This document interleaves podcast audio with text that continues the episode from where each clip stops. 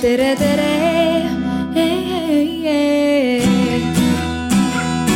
Eestimaa.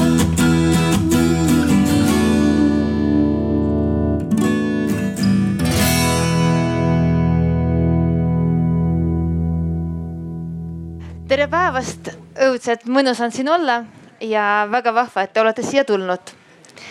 et äh, ma loodan, et üheskoos me saame arutada ja kuidagi ühest üksteist aru saada, mis on see tiigrihüpe, millest me kirjutasime ja mida tähendab digitaliseerimine tööstuses. me kõik teame, et me elame numbrite maailmas aga vaatame, mis see tööstuse jaoks tähendab. ja minu nimi on Jana, olen Prototroni ehk äh, tehnoloogiliste ideede rahastu juht. ja tegelikult just hiljuti, ma ei tea, võib-olla te olete ka näinud, üks äh, Eesti tuntud startup'er äh,, Fortuma omanik äh, Rain Ranno avaldas oma järgmise filmi diiserit. ja seal oli üks selline nali, mida nad püüdsid näidata et üks justkui väga tuntud ja lugupeetav tööstuse juht pakkus lihtsalt oma autot kaassõitmiseks uute sõpradega, sõpradele, kes tahtsid San Franciscos suurt miljonit ära teenida. ja San Francisco insener, investor küsib selle töösturi kohta, et kas see on Uberi autojuht. ta ütleb ei, ei, ei, see on suur juht, et see on tööstuse, tööstuse juht kas tema teeb nagu päris nagu asju? ah, siis ta on autojuht, ta lihtsalt ei tea sellest.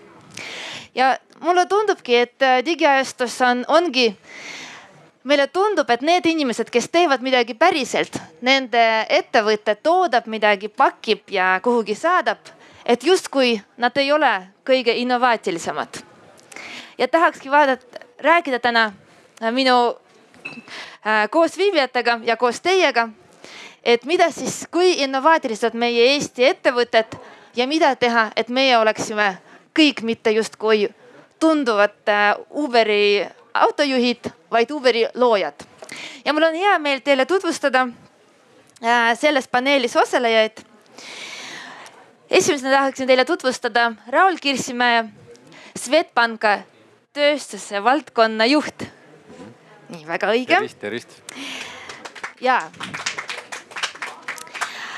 Äh, Tallinna Tehnikaülikooli ehk TalTechi inseneeriaprofessor Tauno Otto. tere. Ning äh, Prototroni ühe tiimi äh, projektijuht ja juurutamise juht sellises firmas nagu Esil, Siim Sirel. tere väga vahva, no vot, mulle meeldib tõesti, et startup idel on kohe oma fännklubi kaasas. super, väga, vot niimoodi on vaja teha. muidu ülikoolist kõik tulevad väga nagu enesekindlad, et nagu justkui teab, teame kõike. aga esimene küsimus teile, ma tahaksingi äh, teie arvamust teada saada, et mis te arvate, kui innovaatilised on meie Eesti ettevõtted, ma just mõtlen tööstuse sektoris ja mis, mis, kuidas teile tundub praegu? ja kui digitaalsed, ma ei tea, kas alustamegi siit ma arvan, et äh, Eesti ettevõtted on olnud läbi aegade väga innovaatilised, seda näitab see, et meil on väga palju ettevõtjaid, kes oma ettevõtetega jätkuvalt elus on. et äh, äris on, on see ju väga raske, et kõik muutub meie ümber, kogu aeg peab kõigega kaasas käima. aga ma arvan, et kuidagi mingitel viimastel aastatel on kuidagi tulnud nagu uute tehnoloogiate pealekäik ja, ja, ja ütleme ka teistpidi nagu kõikvõimalikud surved nagu kulusurve tööjõu, tööjõuga on keeruline ettevõtetel. Et, et on saabunud teatud mingis mõttes nagu murranguline hetk, et järjest rohkem on vaja nagu mõtelda uute tehnoloogiate elluviimise peale. ma arvan, see on igati ajakohane küsimus, et kuidas need uued tehnoloogiad tuua Eesti tööstusesse. okei okay,, aga kõigepealt on vaja aru saada, mis on see praegune taustsüsteem nii-öelda. võib-olla ma natuke jätan sind vahele, aga palun, et professor annaks meile sellist teaduslikku ülevaadet et teaduse mõttes on selle uurida, jah. Kui tegime ühe uuringu, siis tuli välja et, et kakskümmend protsenti nendest ettevõtetest tahab teha sihukest suurt digimuutust, kõik muud tahavad lihtsalt saada kiiremini ja kergemini raha. aga ülikooli vaates praegu on tõesti olukord muutuses, et ettevõtete poolt tuleb sisse rohkem projekte. meil on ka suve ajal laborid tudengeid täis. ja see on positiivne no nii, Siim, ma arvan, et äh, sinu koht on siin kõige erilisem, sest te leidsite viisi, kuidas äh, selles murrangulises olukorras raha teenida. Äh, jah, mina siis olen siin äh, sellise ettevõtte nagu Esiil esindajana. teeme tootmistarkvara keskmistele tootmisettevõtetele, keskmistele ja suurtele. ja meie siis, no mina veidikene võib-olla olen kallutatud selles osas, et mina puutun kokku just selle poole ettevõtjatega, kes tahavad olla eesrindlikud ja kes tahavad uuendusi.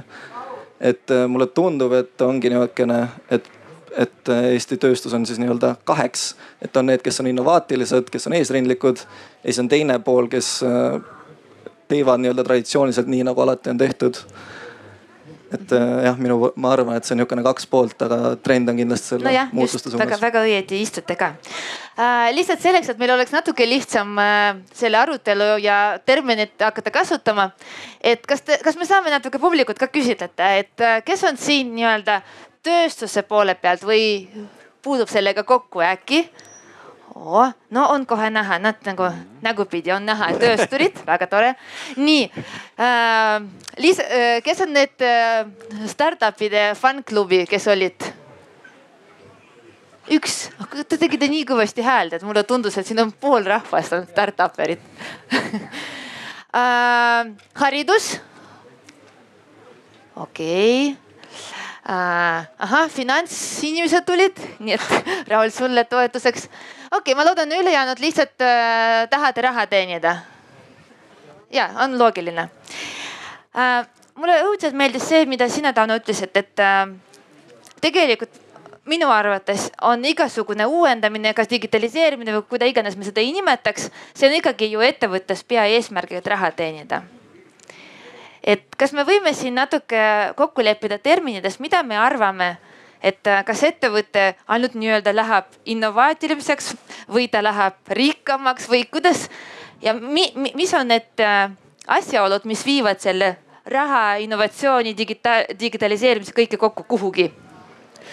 Mul oli võimalus osaleda Euroopa Liidu nüüd järgmise suurte projektide meetme väljatöötamises ja seal võeti ette erinevad tööstusharud ja mindigi nii-öelda väärtuste sisse, et, et kus see väärtus tekib mm -hmm. tulevikus ja ja oli hästi-hästi huvitav, et, et, et isegi kui me vaatame nagu tööstust ja meditsiini, e-meditsiin, et see, see väärtuse tekke on tegelikult äh, samasugune, et, et me loome andmeid ja need andmed nagu annavadki selle põhilise sisu, sest, äh, sest kui me vaatame, et, et kui, kui tulevikus äh, ilmselt töökohad hakkavad muutuma ja selline Harju keskmine muutub nii-öelda siis äh, robotiseeritavaks või, või tehisintellektiga asendatavaks, et, et see, see tähendab, et, et, et muutub nii ettevõtte printsiip, et kus ta teenib seda väärtust ja kuidas ta teenib, et ta ei pea olema selles füüsilises kohas ja ta ei pea ka nii-öelda siis teenima füüsilist äh, või tegema füüsilist toodet, vaid, vaid see,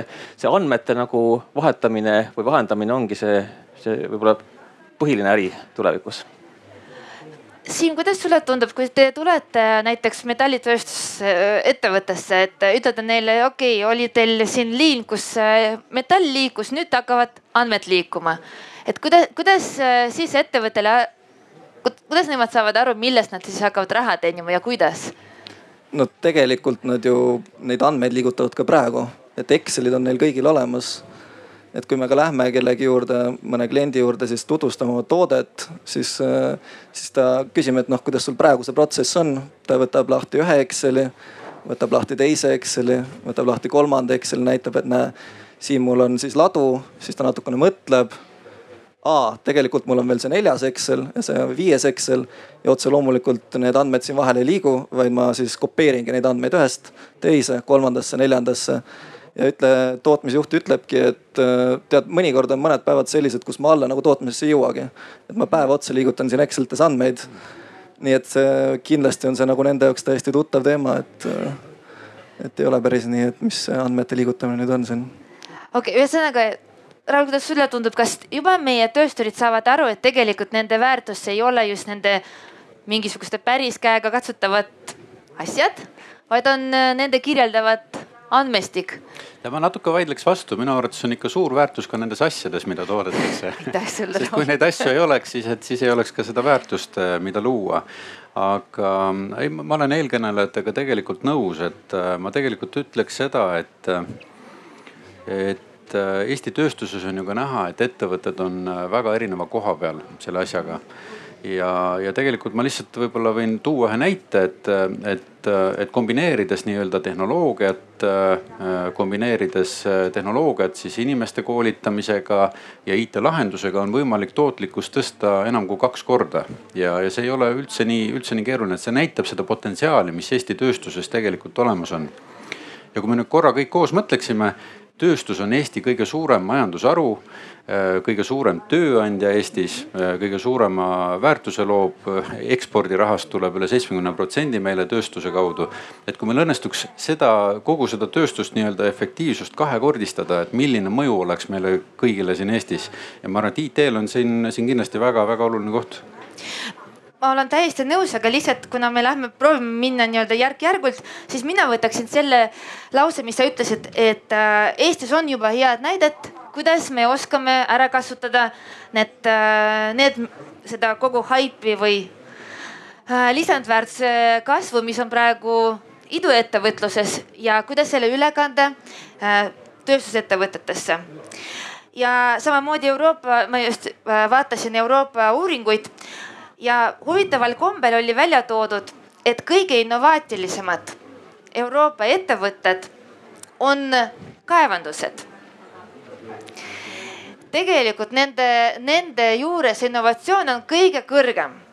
aga kui vaadata seda suuremat pilti, siis tegelikult need kaevandused määravad seda nii-öelda tirivad seda enda juurde, et nemad justkui on kõige innovaatilisemad, sest lihtsalt on äh, mõnede kaevanduste juures on äh, väga vahvad äh, näited, näiteks nagu on juba robotid või virtuaalreaalsuse operaatori punktid Rootsis tegelikult nad on oma mahu pärast, võtavadki selle esiliidrit.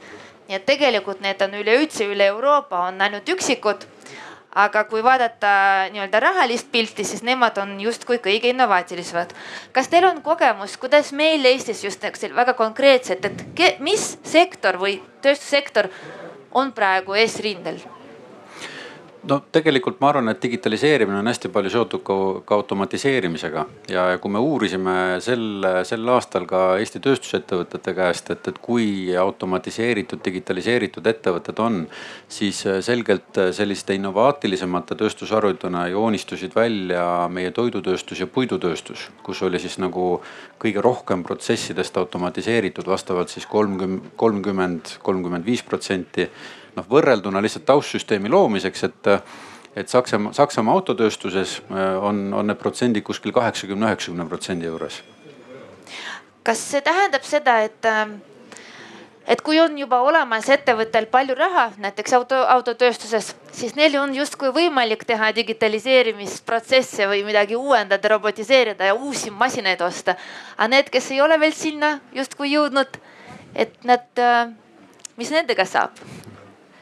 Võib-olla Siim siin oskab paremini öelda, et Te tegutsete ju Kesk-Eestis, kus ei ole arvatavasti äh, mingit. Äh, Viljandist oleme siis pärit jah. Äh, jah, Mercedes tehast. jah, aga see kliendid kindlasti on meil suures enamuses ikkagi Tallinna ümber, et kuna see seitsekümmend protsenti SKP-st seal Tallinna ümbruses on, siis, siis päris seal me ei tegutse, kus meil nii-öelda arendusmeeskond on.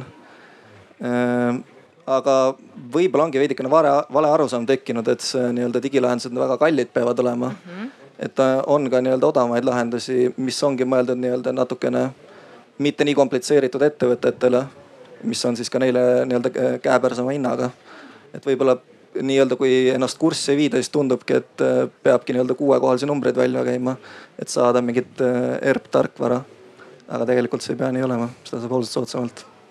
millega te puudute kõige rohkem või mis on selline äh, takistus ma ütleksin nagu esimesel kontaktil, kui näiteks Cecil ütleb, et ahah, et tegelikult on olemas veel äh, platvormid, veel lahendused või tegelikult ei pea tõesti kohe miljonid välja käima, et oma ettevõtet äh, digitaliseerida, automatiseerida ja sellega rohkem raha teenida.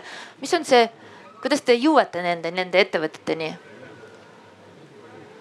mm,? no väga paljud ettevõtted tundub, et on ka ise aru saanud, et niimoodi ei saa nagu edasi minna, nagu praegu on ja nad äh, jõuavad meieni. ja samas muidugi on meie ülesanne see nii-öelda ennast äh, turundada ja näidata seda, et meie juures seda teadmist saab. me aitame teil esimesed sammud teha. et see kindlasti on ka väga suur nii-öelda turunduse töö meie poolt, mis on vajalik ära teha kas ettevõtted pigem saavad aru, et äh, igal pool on arvutid, ma tahan ka ja ma ei taha liigutada need viis-kuus Exceli tabelit või nad tõesti nagu meil Tauno siin rääkis, et nad tõesti nagu kõigepealt jahivad seda suuremat rahanumbrit äh, teenida, mida, mida teenida no mul tihti on sihuke tunne, et äh, tegelikult isegi nad ei tea täpselt need ette, ettevõtted, et kus nad seda raha kaotavad ja kus nad seda saavad. tegelikult äh, osadel on selline, et aasta lõpus tuleb välja siis, kui palju meil tegelikult kontol jäi raha. et äh, kliendid, kellele me siis esiili oleme pannud, siis nad on ka ütelnud, et, et nüüd mul sai nagu pilt ette, et milliste toodetega me võitsime, millistega me kaotasime. et soovitakse nii-öelda pilti ette saada endale et senimaani, kuni neil ei ole nii-öelda konkreetseid arve, neil on arvamused, et ma arvan, et me sellega kaotame, sellega võidame, aga, aga ega ilma numbriteta nii-öelda fakti ei tule.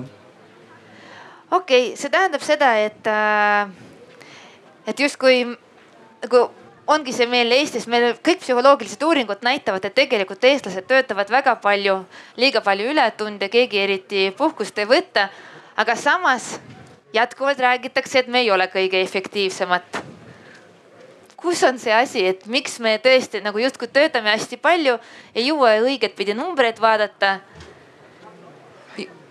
kuidagi kuskil tajume, et nüüd on vaja kõike robotiseerida, aga ka, ka ei tea, mis otsast alustada inseneeriaprofessor, palun, kus on teie ja. insenerid, kes peavad seda kõike tajuma ja teadma ja mitte töötama palju?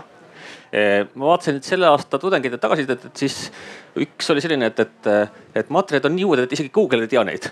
ja vot eh, sealt tulebki see ülikooli tegur mängu, et eh, me tegeleme asjadega, mis veel Google'isse pole jõudnud. et kui vaatame seda siis avaldamise tsüklit, et ütleme, et noh, ütleme, et õpik kusagil kolm-neli aastat, sihuke teadusraamat paar aastat, hea artikkel aasta-pool. et noh, see, see protsess, et teadusest avalikkuse ette, kust Google õpib, et see tegelikult on, on päris pikk, et, et olen märganud, et üha rohkem on meil selliseid projekte nagu see iseauto või, või Milremi projekt, et, et kus, kus me saame kaasata tudengeid. Ja nad tõesti on hommikust õhtuni seal laboris ja, ja teevad siis õppetööd ja teadustööd, mis on omavahel põimunud, et, et seda on, seda on, seda on üha rohkem ja järjest rohkem on ka seda, et, et, et tudengid valivad, valivad õppimise ega, ega lähe lihtsale tööle mida praegu hästi palju pakutakse. kas te arvate, et tööstusettevõttes töötamine on lihtne? Eh, on väga palju siukseid töökohti, mis on päris lihtsad. okei okay see, sellist vastust vast ma ei osanud üldse kuidagi oodata, et okei okay,, selle peale ma arvan, et me peame eraldi. kas seal oli küsimus? ja, ma vabandust, mulle õudselt meeldib, kui ma saaksin natuke liigutada ennast aitäh, äh, minu nimi on Anna-Karolin, ma töötan Sotsiaalministeeriumis tööhõive teemadega. ja väga huvitav teema on, aitäh selle arutelu eest senimaani. üks asi, mida me teame, on see, et äh, töötlevas tööstuses töötab Eestis väga palju inimesi ja kui me vaatame andmeid, siis seal töötab muuhulgas väga palju vanemaealisi inimesi ja seal on nii kõrgtehnoloogilisi kui ka väga palju lihttöid ja üks asi, mida mina oma andmetest tean, mis on pannud mind mõtlema, on see, et Eestis on vanemaealiste elukestva õppe määr väga madal ja inimesed, kes teevad kõige lihtsamat tööd, nii riigil kui tööandjatel kahjuks on praegu motivatsioon neid kõige vähem ümberõppesse suunata, et aidata neil oma oskusi kaasajastada ma olen öelnud palju sellele, et me räägime andmetest, kui me räägime innovatsioonist, aga väga vähe inimestest. kuigi lõppude lõpuks ka kõige lihtsamaid innovatsioone peavad ellu viima kas töötajad, kes vajutavad nuppudele, kes töötavad igapäevaselt nende toodete loomisega. ja ma tahaks teada, et mis te arvate sellest, et millist oskuste uuendamise poliitikat tööstus võib vajada. muuhulgas ka seda, et võite öelda, mida meie riigis peaksime teisiti sellega tegema. aitäh Te ei kujuta ette, kui hästi te tabasite meie arutelu suunda oma küsimusega. kas on meil veel siin äh, riigistruktuuride esindajaid? et me paluksime teid kohe kirja panna kõike, mis me siin räägime. nii, okei okay., äh, võtsime kohe inimese ja läkski väga põnevaks. aga ma arvan, et Tauno pärast saab veel kord korrata, et mida, kuidas ülikool seda näeb aga ma alustaksin jällegi Siimust, et äh, kuidas mulle tundub, et sina nagu kõige rohkem lähedki sinna ettevõtetesse sisse ja tulete, ütlete, et kõik Excelid paneme kinni, nüüd teeme midagi vau, vau, vau. ja ehm, mida me oleme näinud siis oma klientide juures, et kui, kui me räägime tõesti nii-öelda natuke vanematest töötajatest, kellel on IT-ga vähem kokkupuuteid, siis on äh, olnud nihukest äh, kahte sorti lähenemist et on osad, kes ütlevad, et äh, ma tõesti ei oska seda, aga ma tahan, ma üritan. võib-olla läheb mul kauem aega, siis läheb kauem aega, aga, aga ma üritan selle selgeks saada. ja siis on äh, muidugi teine pool olemas, kes ütleb, et, et noh, ma nii, niikuinii kahe kuu pärast lähen pensionile, mina ei kavatse seda uut tarkvara ära õppida. ja kui see tarkvara tuleb, siis mina lähen minema, et äh, mina isegi ei hakka üritama. et see on nagu see kaks poolt, mida meie oleme näinud, et et äh, suuresti on ikkagi nii-öelda inimese suhtumise küsimus, et kas soovitakse ära õppida või mitte. aga kindlasti see tarkvara peab olema niivõrd intuitiivne nagu Apple'i telefon. et inimene sinna tuleb ja koheselt ta saab aru, mis ta tegema peab, et ta ei pea õppima siin kodeerima, koodi kirjutama ega midagi nihukest mm. -hmm. see mulle õudselt meeldib, et anname kõikidele ka natuke vanematele inseneridele põhimõtteliselt iPhone'id ja las nad siis õpivad ähm, see ei ole üldse nali, et mu isa töötab kaevanduses ja kui ma tõin, vabandust, natuke lüürika kui ma tõin mingit arvu, mingit äh, Maci arvutit tõin koju, siis isa jaoks oli see hirmus keeruline. aga kui ma tõin talle iPhone'i, millega ta sai igalt poolt tuhjata ja kaevandusest pilte teha, siis oli kõik väga selge, väga kiiresti. nii et Raul, mis sa arvad, et äkki lihtsalt pank äh, vaatate üle, et millised telefonid on ettevõttes ja siis saate aru, kas ettevõte läheb digitaliseerimise suunda või mitte. ja selle mõtte ma panen kohe kirja. aga, aga mulle väga meeldis see küsimus, mis tuli, et, et tegelikult äh, ka, ka meil oli see tõdemus see aasta seda tööstusettevõtete uuringut läbi viies, et, et mis on siis need põhilised takistused äh, inimeste leidmisel ja investeeringute uute tehnoloogiate elluviimisel ettevõtetes ettevõttes. ja, ja kõige huvitavam oli see, et mida ettevõtted tõid välja, et väga tõsiselt piiravaks teguriks on muutunud sellise kompetentse tööjõu äh, kättesaadavus ja, ja mure ka see, et tõesti nagu, et kas need olemasolevad töötajad on valmis muutuma ja on valmis neid uusi tehnoloogiaid kasutama ja see oli, see oli palju kõrgem näitaja kui näiteks palk või töö asukoht, et, et ikkagi seesama, seesama kompetentsi tõstmise teema aga ma jäin ise mõtlema selle peale, et noh, näiteks tänasel päeval, et äh, jällegi eelmine aasta viidi läbi ka Eestis uuring, kus minu, minu meelest olid sellised huvitavad numbrid, et äh, kas oli üheksakümmend seitse protsenti eestimaalasi, kes kasutab internetti üle kaheksakümne protsendi, kes äh, on kasutanud telefoni internetti minemiseks. ja siis ma jäin mõtlema, et ma arvan, mul on kodus on tel teleri pult on ilmselt nagu keerukam kui võib-olla isegi mõne CNC pingi juhtimine. et, et tegelikult ilmselt võib-olla ei ole see nagu ületamatu, aga need inimesed kindlasti vajavad tuge, nad vajavad abi. ja me oleme selliseid asju minevikus teinud, et noh, meil oli esimene tiigrihüpe oli ju Eestis täiesti olemas, kus õpetati inimesi nagu, kuidas arvutit käima panna ja, ja internetti minna, et, et võib-olla oleks meil uuesti mingit sellist, sellist äh, tegevust vaja Eestis teha. mina olen sellega absoluutselt päri sest ka kõik need Euroopa uuringud näitavadki, et kui ma alguses rääkisin, et äh, justkui tundub, et kõige innovaatilised ongi kaevandused või väga rikkad suured ettevõtted, siis tegelikult selleks, et mitte üksteise pealt ära osta ja mitte panna endale piirangud, sest äh, tõesti äh, kompetentse inimressurssi puudumine või ebapiisavus nagu noh, puudumine võime praegu öelda ja inimeste muutustega äraharjumine on väga keeruline psühholoogiline protsess siin äh, juhid peavad seda nii hästi kuidagi ära tuunima, et see inimene ikkagi võtaks kätte ja, ja õpiks ja sest tõesti praegused CNC pingid on seal palju vähem nuppe kui meil telefonides. kuidas ülikool saaks olla selliseks heaks nagu tema, ma isegi ütleksin demokraatlikuks äh, partneriks et äh, viiskümmend pluss, kuuskümmend viis pluss tuleks õppima. kuidas me saaksime, e-, üle Euroopa on olemas igasugused projektid äh, äh,, miners, coding miners ja igas, igatpidi, miks meil seda ei ole? E, eks me sinnapoole vaikselt liigume ja tegelikult nüüd vastuseks sotsiaalministeeriumi küsimusele, et, et kui on robotid toodud tootmisse, ütleme see roboti peal inimese ümberõpe on märksa kiirem ja, ja, ja tulemuslikum, et, et näiteks kui sul on keevitusrobot ja sinna võtta siis ütleme tark inimene, õpetada seda robotit opereerima on märksa nagu kiirem protsess, kui õpetada inimest keevitama. Et see, see vahe on kordades. Ja Soome näide on siit ka, et, et need, kes on ainult läinud nagu tavakeevitajast nii-öelda robotkeevitajaks, nad ei ole nõus enam selle roboti juurest lahkuma, et, et see, see nagu tehnoloogia haarab see endaga kaasa, et, et on, on, on mugav ja hea ja efektiivne. Et ma usun, et, et tegelikult me ei peaks nagu seda robotiseerimist ja tööstus neli nulli kartma, et ta pigem, pigem nagu suurendab sellist laia või kiiret ümberõpet. Aga võtame siis väga tavali, tavaliselt nagu praegu kõlab igal pool meedias, tulevad robotid ja võtavad meie tööd üle. kuidas me, mida me saaksime teha kindlasti ministeeriumidega, kõikide osapooltega, et, et panna inimest ikkagi mõtlema, et see robot ei tulnud töö ära võtta, vaid tööd pakkuda, sest tegelikult ka kõik teadus, teadusartiklid kõik viitavad sellele, et äh, igasugune tööstusrevolutsioon tegelikult ainult lisab töökohti. see, et need lihtsalt kaovad ja need rohkem on need summa summarum vähem, seda ei juhtu. seda, seda, seda me nägime ajaloos. et äh, kuida-, kuida-, mis me saaksime teha? No ütleme, et et päris nii ei saa öelda, et, et robot tuleb, võtab näiteks kümne inimese töö ära, et, et, et selleks, et nüüd digitaliseerida või võtta see robot sinna kasutusele, selleks peaks kogu väärtusahela üle, üle vaatama ja siis kogu ka tehase äriprotsessid ümber vaatama ja siis tulebki nagu pank ka mängu, et tegelikult noh, ma usun, et tulevikus ongi niimoodi, et sa soetad endale robotid ja, ja robotautod, et koos pangaga, et mingi aeg töötab auto sinu jaoks ja mingi aeg töötab panga jaoks ja siis saad selle odavamalt osta see toimib täna juba.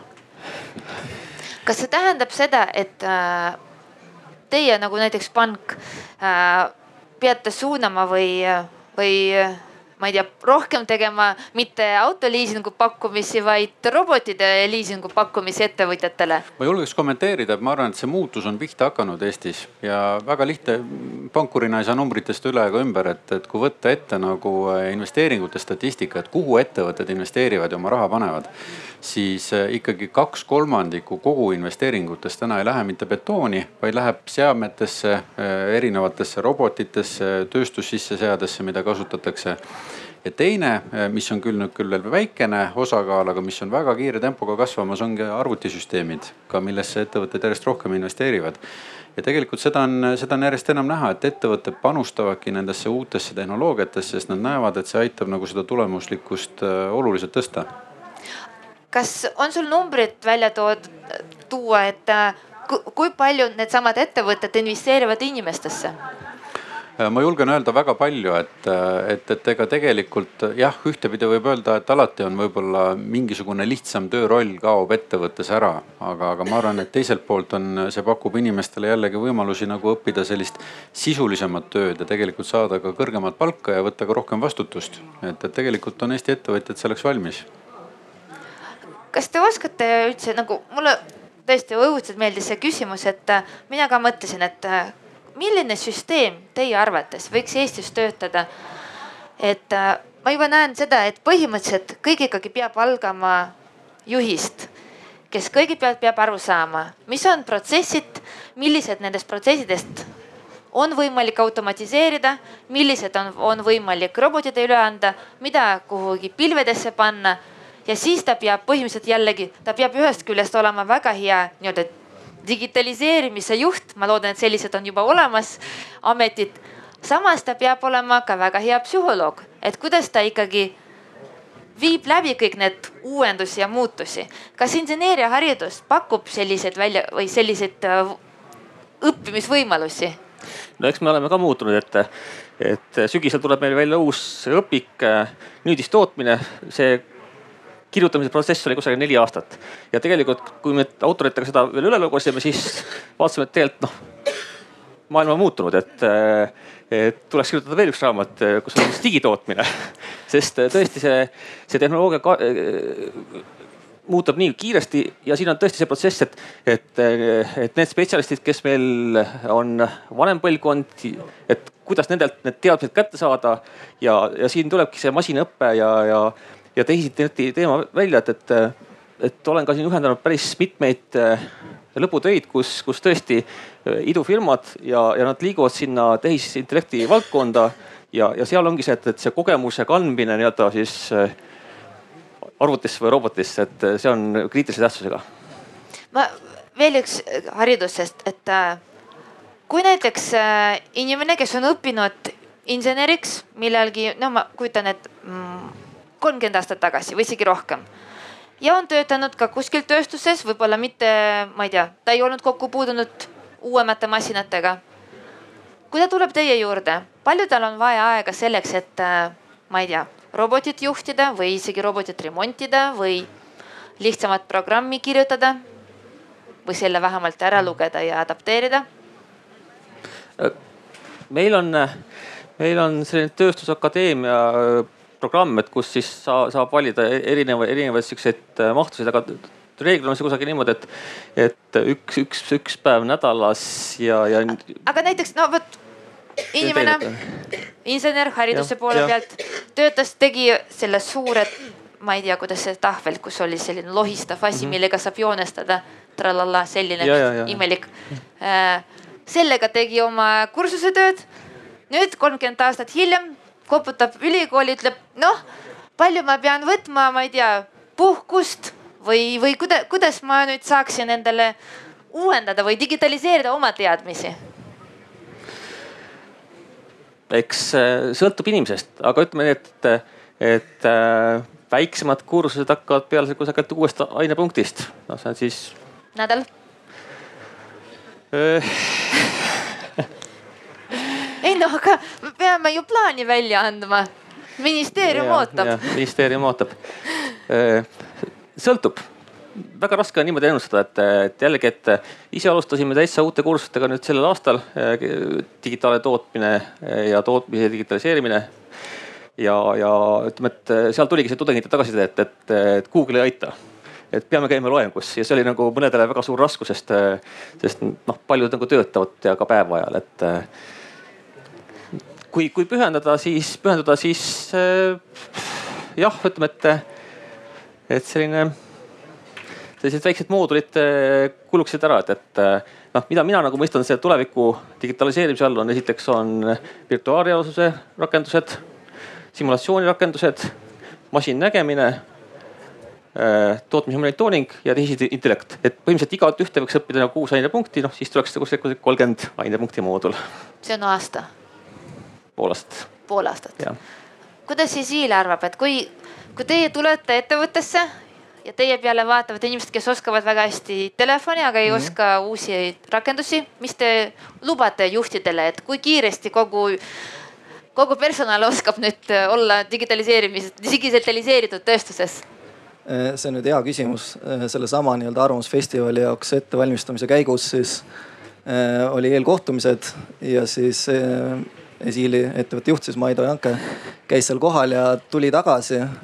ja siis sõitsime koos Tallinnast Viljandisse reedel ja tuli sellise mõttega, et Siim, mis oleks, kui teeks kõik selle juurutusprotsessi ümber et senimaani me oleme käinud alati üks juurutaja käib ühe ettevõtte juures ja see nii-öelda juurutusprotsess kestab kuid. aga teeks niimoodi, et kliendid tulevad meie juurde hoopis. võtame viiest ettevõttest, võtame igast ühest ühe nii-öelda vastutava inimese tuleb meie juurde, nädalaga koolitame ta välja, anname talle kõik äh, tarkvara, nii-öelda tarkvara kasutamiseks vajalikud oskused, teadmised ning lisaks ka siis selle nii-öelda oskused, kuidas see siis reaalselt ellu viia mm. -hmm. millised osapooled seal on, mis need raskused võivad olla, nii et äh, nädalaga teeme meie selle ära. okei okay., nii et ülikool siis oskab poole aastaga ära teha ja siis see siil siis nädalaga. No saate aru jah, startup'ide maailm. Okei okay,, vabandust.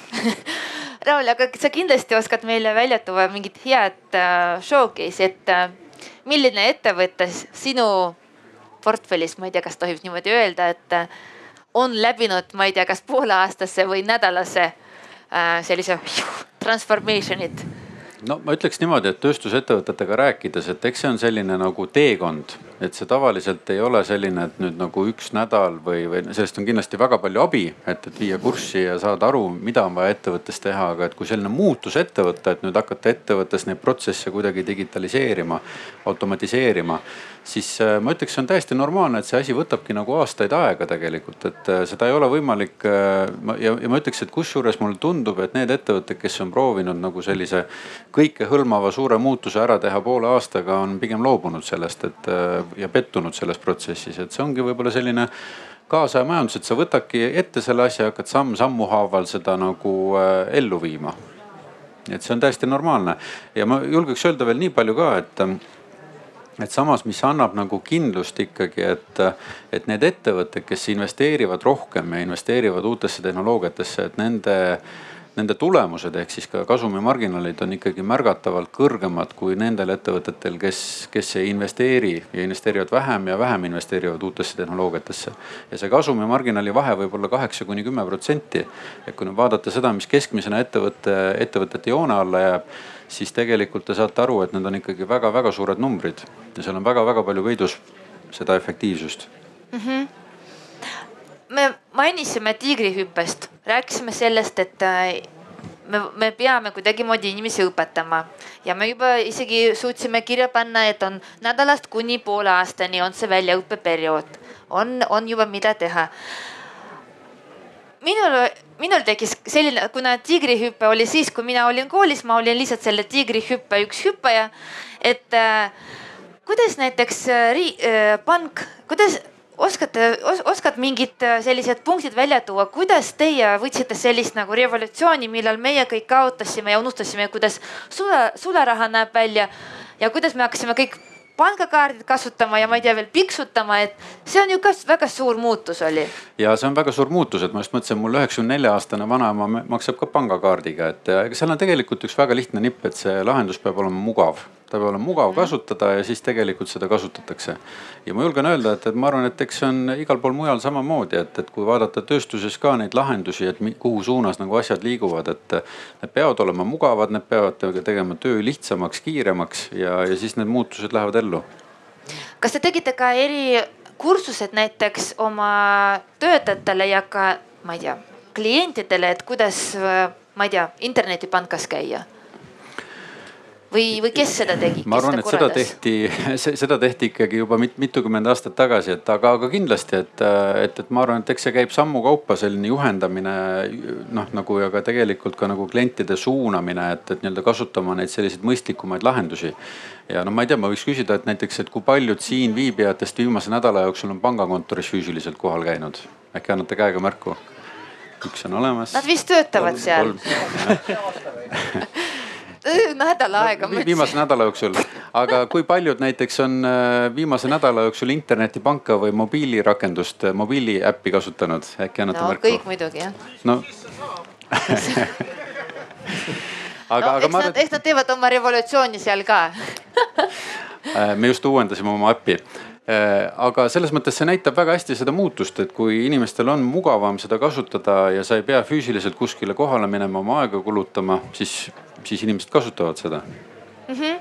aga see tähendab seda, et me peame justkui leidma mingisugust, ma ei tea, väga mugavat nipi, süsteemi, platvormi selleks, et noh, kuhugi panna, teate seda, et see kogu, kogu jõudu, et see pall nii-öelda digitaliseerimise pall hakkaks veerema, et mis see punkt võiks olla, et kuhu põhimõtteliselt me peame suunama kõik oma ressursid.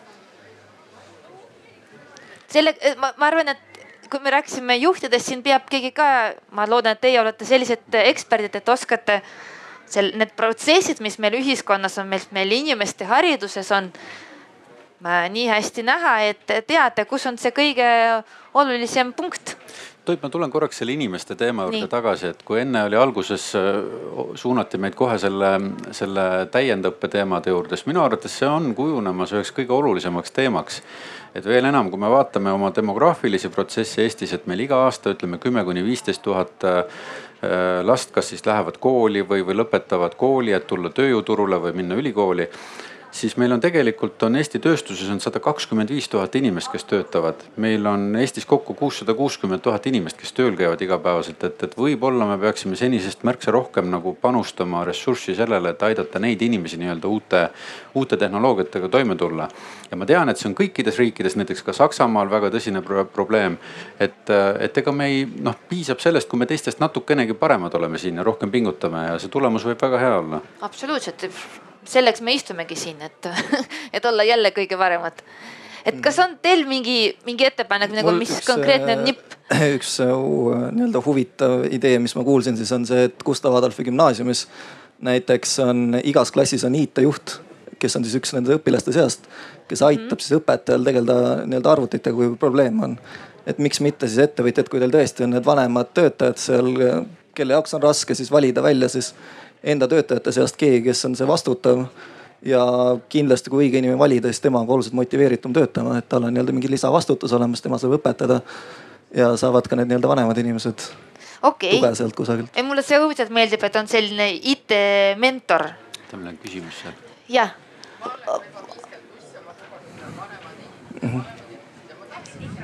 vabandust ja ma teate jäin kohe kuulama, unustasin oma tööd. Äh, ma olen ka viiskümmend pluss ja kuulen, et vanemad inimesed ja vanemad inimesed, aga ma äkki me suhtume eelarvamuslikult, et töökonkurssidel vaadatakse, aa, ta on üle viiekümne, see ei tunne Excelit, see ei oska seda, seda, seda, seda. aga ma olen iga päev tööl ja ma pean ju tegelema, mina, töö on olnud sellele, et ma olen pidanud inimesi õpetama, kuidas mingit andmebaase kasutada oma asutuses. üks, kaks, kolm, neli, viis ja ma ütleks, et tegelikult väga paljud nooremad inimesed ei ole alati kõige nutikamad. et me oleme, et see ei sõltu üldse, kes siin ütles, et see ei ole üldse, ta kasutab võib-olla mingit ühte asja, ta on kiirem telefoni kasutaja. aga ta ei oska kas teinekord internetist midagi leida, vaid oma neid õigeid asju teha, seal on omad nipid. et võib-olla me oleme lihtsalt eelarvamuslikult ja nagu selles, nagu selles vanemuses ja, ja see oli see, et tegelikult on see suhtumine, et kas ma, et mõtteviis ja see ei sõltu vanusest, kas ma lähen nende asjadega kaasa või kukun mugavustsooni, nii et, et mõtleme selle viiskümmend pluss ja vanemlusega, et mis ta see paneel arvaks ma arvan, palun vabandust, et ma arvan, et me võtsime vanust ainult sellepärast, et tegelikult tahtsime välja tuua, et seesama teema te, täiendõpe, et me eeldame, et viiskümmend pluss ja miinus, et nemad töötavad, et selles mõttes, kuidas need suunata õppima, kui nad põhiliselt peavad iga päev oma pere veel ka toitma. Oi aga see viiskümmend pluss ja see, see võib olla tegelikult probleem, et me jätame väga palju, tegelikult meil öeldakse, et inimesel puudub väga palju kogemustega inimesi võib-olla ka tööturult üldse välja. just seda, vabandust, sind kohe, kohe järgmist küsiti konkreetset nippi. Eh, ma pakuks ühe välja mm. -hmm. ma olin kakskümmend aastat tagasi Soomes õppimas tootmismajandust ja me käisime oma rühmaga siis ekskursioonil ühes leivatehases. see oli üks kõige innovaatilisem leivatehas, ta oli viie, nelja-viie suurima hulgas Soomes. nii-öelda ta turustas üle kogu Soome ja nemad ütlesid, et nendel on tööl kaks pagarit ja sada viiskümmend masinainseneri ja tehnikut cool.. et vahekord oli selline, see oli kindlasti ekstreemne ka tol ajal Soomes. E, mina nüüd need sellest kahekümnest möödunust aastast olen vähemalt viisteist panustanud, pühendanud siis e, tööstuse automatiseerimisele ja kasutajaliideste loomisele inimeste jaoks. ja, ja meil on see asi ikka täiesti totaalselt teistpidi, peaaegu et vastupidi, et Mm, tehnikainimene jääb tehnikainimeseks. kas ta joonistas selle huvitava asjaga või ta joonistab tänapäeval 3D-s, ega seal väga vahet ei ole ja see üleminek on nii sujuv, nii märkamatu, et seal on tõesti see nädal või pool aastat või vahet, vahet ei ole.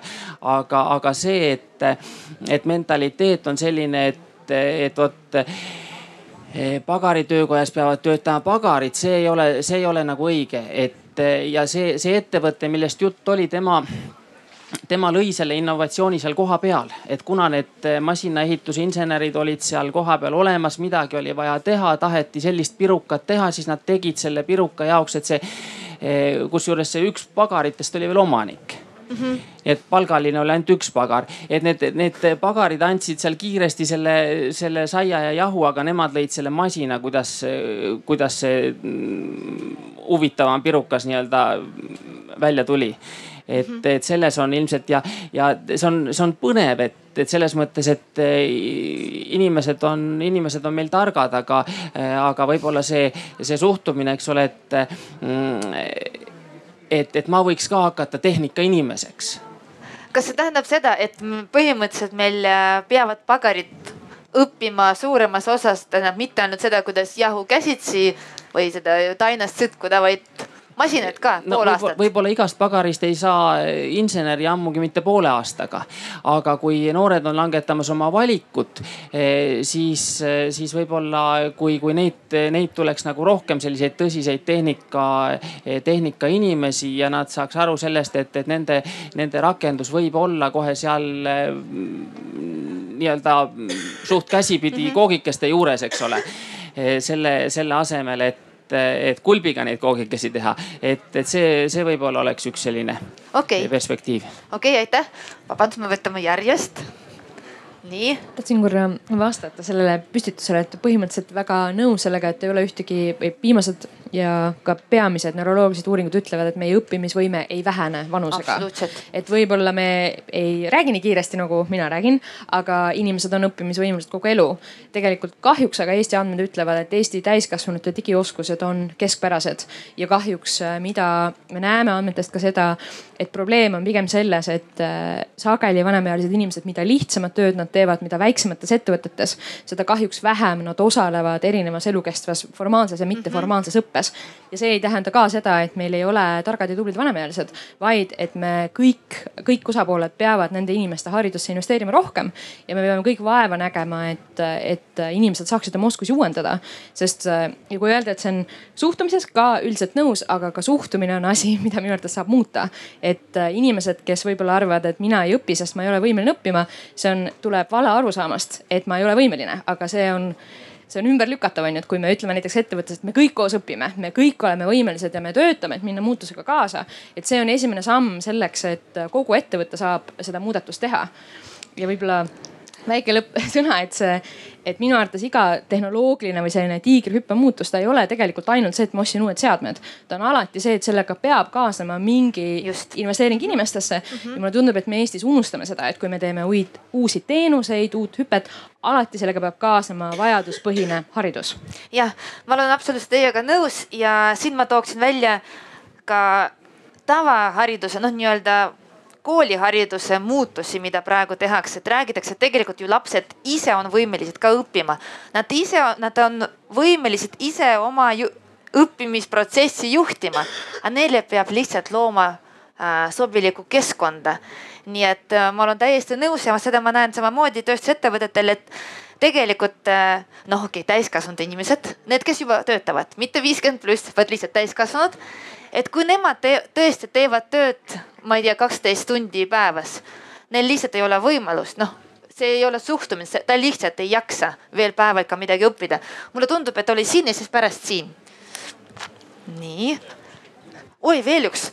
me tuleme, tuleme, tulen, tulen teie juurde tagasi ah,. väga hea, siis ma võtan teid viimasena, väga hea. ma tulen natuke inimeste juurest mõnes mõttes tagasi, et äh, olen ise ühe tööstuse äh, juht ja äh, ma ütleksin nii palju, et Eestis on tegelikult täna veel ikkagi allhankemajandus, ehk siis me töötame kellegi teise jaoks ja paratamatult meie ei koori seda rasva sealt pealt uh. Mhm. -huh. ja see tekitab ka selle olukorra, et meil lihtsalt ei ole raha piisavalt, et nii digitaliseerida kui ka automatiseerida. ja teatud mõttes me täna ka pikendame seda agooniat, et me võtame sisse eh, odavat siis välistööjõudu, mis siis eh, takistab meil tegelikult äh, arendamast neid süsteeme mm, -hmm. et me võtamegi kaks, ütleme siis äh, mm, keevitajat selle eest, äh, selle asemel, et osta robotit siis. oskad sa kohe välja tuua, et kes peab seda kes peab suunama need samu inimesi, kes otsustavad, kas võtta kaks keevitajat Ukrainast või osta robot keevit-, keevitusrobot masinat? pigem on nagu see asi siin, et et see on nagu selline sünergia rohkem, mis peaks tekkima nii pankade, ülikooli kui ka sellise no meie tegelikult me Siimuga oleme kursavennad, et me oleme ah, suhteliselt okay. värskelt äh, lõpetanud okay. või noh, eelmine aasta lõpetasime siis äh, magistriõpingud TTÜ-s. et ei ole piisavalt sellist ettevõtlikkust minu meelest vähemasti siin Eestis, et me tahaksimegi liikuda nii-öelda nende oma toodete poole, et me ei tahaks teha kellelegi teisele midagi ja vaatangi nagu oma põlvkonda siis, kes on ülikooli lõpetanud, kes juba töötavad aastaid, et ega ettevõtjaid on küllaltki vähe. Ja tööstussektoris eh, sinna sisse tulla nii-öelda on väga kapitalimahukas. Et ma näengi, et siin nagu hästi mitu sellist sektsiooni, et me ju lõpuks liiguksime ikkagi ka selliseks maaks, kes suudaks ise mõelda eelkõige ja siis oma mõtet hakata tootma. See on nagu see võti, mitte toota kellelegi teisele. no ma olen absoluutselt nõus, aitäh äh,. nii palju häid mõtteid ja vaatenurkasid, nii palun Äh, mina vaatan sellele sellest vaatevinklist, et kui nüüd väga palju digitaliseeritakse ja automatiseeritakse, et see teeb väga palju ruumi juurde loovmajanduse inimestele, mhm. kunstnikele, kirjanikele, filmitegijatele. ja, ja see saab olla katalüsaator äh, nüüd ütleme ka majanduse osas, sest kui me vaatame näiteks Lego filmi, mis tuli välja ühe aastaga kogu Taani mäng, ütleme see Lego miljarditööstus tõusis kuuskümmend protsenti tänu ühele filmile, mis globaalselt levitati. et eh, kui me nagu vaataksime sellest punktist, et kuidas ka loovinimesed, kes ei soovi saada, ütleme seda automatiseerimise haridust ega, ega programmeerimist, et kuidas nemad saavad katalüseerida ja aidata kaasa siis ühiskonna arengule äh,? nojah, kahjuks meil loomemajandus siit praegu natuke kukub välja, aga ma arvan, et teil on sa täpselt samamoodi absoluutne õigus, et äh, loomemajandus on väga suure lisandväärtusega ja loomemajandus vajab ka tehnoloogilist tuge ja, ja tegelikult, kui, kui me anname kunstnikele võimalus tehnoloogiat kasutada või kasutada või teha koostööd tehn tehnoloogia inimestega, siis sellised kunsti eripärad sünnivad need täiesti täitsa lõpp. ja samas ma olen nõus, et Eesti ka loomemajandus, ka filmitööstuses, kuna ma sellega natuke ka olen seotud, me ei võta piisavalt ambitsiooni sest ma ise olen Viljandis mitu korda käinud ja seal juhtidega rääkinud, kuidas nemad panustavad ühiskonda, oma kogukonda ja mis oli kogu see ajend, et seda Lego filmi teha. nii et ma võtame kõigepealt küsi-, oota, meil on siin küsimus, muidu külmuvad ära meie panelistid, tohib? küsimus ja siis ma tulen teie juurde, aitäh. nii, minu küsimuse sissejuhatus on see, et ähm, mul on hea meel, et siin tundub, et kõik on seda meelt, et see tiigrihüpe ja digitaliseerumine tähendab, eks ole, elukestvat õpet ja, ja kõike seda. nii, aga mul on mure, kuna ma olen ettevõtluses õppinud, mul on selline mure nagu soomlane ütleb, et kuga maksab jõulut, kes siis kinni maksab. tähendab ja pakun variandid ja küsin, et millesse teie usute, panelistid. no üks variant on see, et äh, targad riigiisad otsustavad, millised on meie hariduslikud prioriteedid, milliseid õppekavasid on vaja ja äh, õppijale on kõik tasuta. noh, nagu meil on siin avalik-õiguslikes ülikoolides nagu, nagu oleks tasuta kõrgharidus. teine variant on see, et Eh, maksab see, kes teadmist omandab ja kogu rauaga, eks ole. kolmas variant on see, et meil on selline tubli pank näiteks, kellel on inkubaatoreid ja, ja tema siis sponsoreerib mingeid asju ja otsustab, mida on vaja, eks ole. ehk siis see finantsmajanduse nii-öelda traditsiooniline osa on see progressi vedur meil, sest vaevalt need alternatiivsete finantsteenuste pakkujad pakuvad või on veel midagi, sest et noh, vaadake, mul on natuke hirm, et kapitalismile tuleb teadusmajanduses lõpp, eks ole.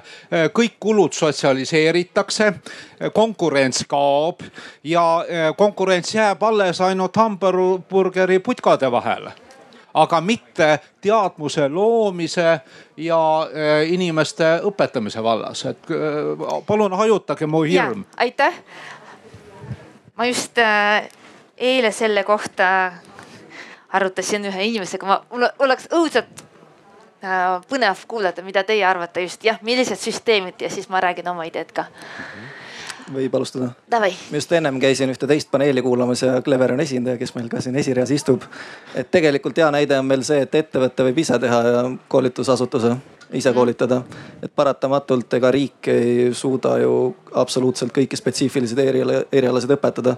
nii et see jah no põhimõtteliselt, kui ei, ma arvan, et see on pigem see teie teine variant kui see, kellel põhimõtteliselt äh, janu see, see jalul, et kui on vaja õp õpetada, noh, keda siin oodata, õpetagu ise, õppige nii ülikool. jah, et. Äh, mis oleks nagu... teie jaoks kõige parem rahastusmudel? kõik sobivad et Euroopa Liidus on praegu vastavalt seadusandlusele kõik on tasuta väljaspoolt Euroopat tuleb üha rohkem maksvaid tudengeid peale, vaatasin just täna hommikul statistikat, et, et see põhiline maks tuleb Tehnikaülikooli küll nii-öelda siis eh, äri ja, ja äri ja siis eh, õiguse õppe peale, aga kohe järgmised on, on küberkaitse, integreeritud tehnoloogiad, mehhatroonika. et ei ole üldse, üldse nagu halb seis. see tähendab et äh, populaarsus või, populaarsus, kes tulevad välismaalt ja. ja tegelikult nad maksavad ka, et, et mm, -hmm. et väljaspoolt Euroopa Liitu on see tasuline. ja, ja kui ma nüüd mõtlen tööstus neli null nimetuse all, siis äh, praegu on ju magistriõppes on digimuutuste õppekava ja järgmine aasta käivitame ka siis tööstus neli null sihukese tasulised õppekava, mis on siis nagu ettevõtete juhtidele, et kus on siis külastused Äh, Itaaliasse, USA-sse mm, -hmm. Hiinasse, noh, see on siis ka tasuline siis pool, et, et okay. kõik sobib, jah. Pank, kas te olete nõus kuskil panustama või kuidagi olete, arvate, et olete nõus äh, laenuriskid madalamaks hinnata, kui näete, et ettevõte näiteks ise koolitab oma inimesi? Ma arvan, et see on väga oluline teema ja me ise panustame ka tegelikult päris palju äh, koolitamisse, et kus me vähegi näeme ja oskame õlga alla panna, siis me seda teeme. aga tulles selle küsimuse juurde, siis ma arvan, et äh, tegelikult on oluline, me teeksime seda igal tasandil et äh, see on väga oluline roll nagu ettevõtjatel, et ühest küljest on see nagu ettevõtte nagu jätkusuutlikkuse küsimus ja tegelikult ka sotsiaalne vastutus oma töötajate eest teiselt poolt on see kindlasti ka riigi, riigi roll haridussüsteemi muutmisel ja ka inimesele endale, et noh, et, et, et, et isegi kui see koolitus kinni makstakse, siis vähemalt see oma aega ja huvi sa pead ju sinna panustama. ja ma arvan, et see e, e, enne toodud näide digimuutuste õppekavast on väga-väga vahva, et ma ise astusin ka sellest sügisest äh, uuesti tulen õppima pärast kuueteistaastast pausi ja, ja usun, et see on väga, see oli kusjuures üks populaarsemaid õppekavasid TalTechis sügis sisseastumisel, nii et, et äkki on isegi nõudlus sellele rohkem kui, kui praegu kohti. no okei okay,, loodame. mis te arvate, et äh, okei okay,, mul, minu, see oli samamoodi super küsimus, aitäh teile, sest see minu jaoks ka väga oluline, sest äh, ma tahaksin, et näha, kuidas see ikkagi juhtub. aga see juhtub alles siis, kui keegi ütleb, näed, siin on budget ja näed, see on see mingisugune missioon või visioon, kuhu me tahame jõuda ja keegi peab selle ära tegema, et ilma rahata ma ei usu, et see kuidagi, kunagi midagi juhtub. mis te arvate, kas, äh, kui me ei, ei, ei läheks, nagu te ütlesite, et, et ei kaotaks kapitalismi, et äh, kas võiks juhtuda, et riik, ma ei tea, äh, vähendab sotsmaksu, kas see aitaks ettevõtjat, mis te arvate? Et, et näiteks kui ettevõte näitab, et ta tegeleb digitaliseerimise protsessidega. et äh, kuidagimoodi riik ka tuleks vastu ma ei ole kindel, et kas see sotsiaalmaks on nüüd see teema, millega, millega on seda küsimust, küsimust lahendada, aga aga, aga ma ütleks, et noh, et üks asi, mida on kuulda siit ja sealt ja kolmandast kohast, et minu arust hästi oluline on nagu selliste kompetentsikeskuste loomine. kui ma olen ettevõtja, et tõesti, et kas ma saan tulla siis nagu nädalaks nagu varjutama, õppima, et mis on digitaliseerimisel kõige oluline, mis on robotiseerimisel oluline, et tekiksid nagu sellised kompetentsikeskused, kuhu pöörduda et, ähm, et ma arvan, Cleveroni näide on väga suurepärane, aga kõik ettevõtted ei suuda, ei saa endale sellist asja lubada. et, äh, et kuidas aidata neid ka keskmiseid väikseid Eesti ettevõtteid äh, seda, seda sammu edasi teha. et see on kindlasti üks, üks väga oluline küsimus. aga ma arvan, et siin ongi kõige tähtsamgi, et kes siis maksab, et äh, see inimene läks nädalaks esiili. sest no. tema tööd siis ei tee, ta ei, ei tooda need asjad ma arvan, võib-olla isegi sellest ühe nädala kulust olulisem on tegelikult see küsimus ka investeeringutes ja nende suunamises. Ja ma arvan, siin on ka teatud samme, mis on Eestis juba toimunud, et, et ühelt poolt on siin tulnud ka erinevad toetusmeetmed, mida järjest aktiivsemalt on hakatud kasutama, olgu selleks siis siin KIK-i ressursitõhususe investeeringud, olgu selleks siis EAS-i äh, digitoetused, mis võimaldab ka automatiseerida, digitaliseerida. et ma arvan, et iseenesest näitavad nagu õiget suunda, et, et, et noh, me peaksime proovima Eestis toetada nagu neid kohti kohti, noh mida on vaja nagu kuidagi eelisjärjekorras arendada. ja no selge, et, et kui me võtame siin noh, sellised näited nagu tootearendus, digitaliseerimine, automatiseerimine, need on kindlasti valdkonnad, mis tuge vajavad äh,. ma ei, ma ei oska siin väga nõus olla, sest või või osaliselt, sest mulle tundub, kuna ma ise ka puutun kokku EAS-i ja KIK-i projektidega, mulle tundub, et nende bürokraatia on niivõrd kõrge, et väike ettevõte ei suuda endale seda lubada. Sest on vaja leida inimest, kes suudab seda projekti kokku kirjutada, igasugused finantsanalüüsid ära teha see tähendab, et kogu see töö, millest me siin rääkisime, et paljud ettevõtted ei teagi, mis on nende protsessid, et kuidas neid protsesse üleüldse saab, kus need õiged sammud on. aga me juba räägime, et nad peaksid küsima äh, EAS-ist raha ja pärast veel tõesti palkama ühte inimest, kes ainult need aruanded kirjutab. et äh,, et ma ei tea, kas on võimalik välja mõelda mingit äh, kestvat äh, tuge ettevõtjatele, et see ei oleks nii-öelda projektipõhine jällegi. et, et ettevõtted ka tunneksid, et äh, kuna nad põhimõtteliselt astuvad veel tundmatusse vette, et et nad ei tunneks, et ahah, ma tean, et on olemas, äh, ma ei taha väga kritiseerida seda meedet, aga EAS kuulutas välja paar-kolm tagasi, aastat, kuud tagasi uue toode meedet. Et uh, ma ei tea, kas on keegi sellega kokku puutunud, võib-olla on ülimalt positiivne kogemus ja ma siin hakkan midagi rääkima mm?. aga meede on selline, et kui teie uh, loote mingit kõrgema lisandväärtusega uut toodet siis teil on võimalik küsida sellest meetmest raha, kui ma ei eksi, mingi seitsekümmend tuhat vist oli.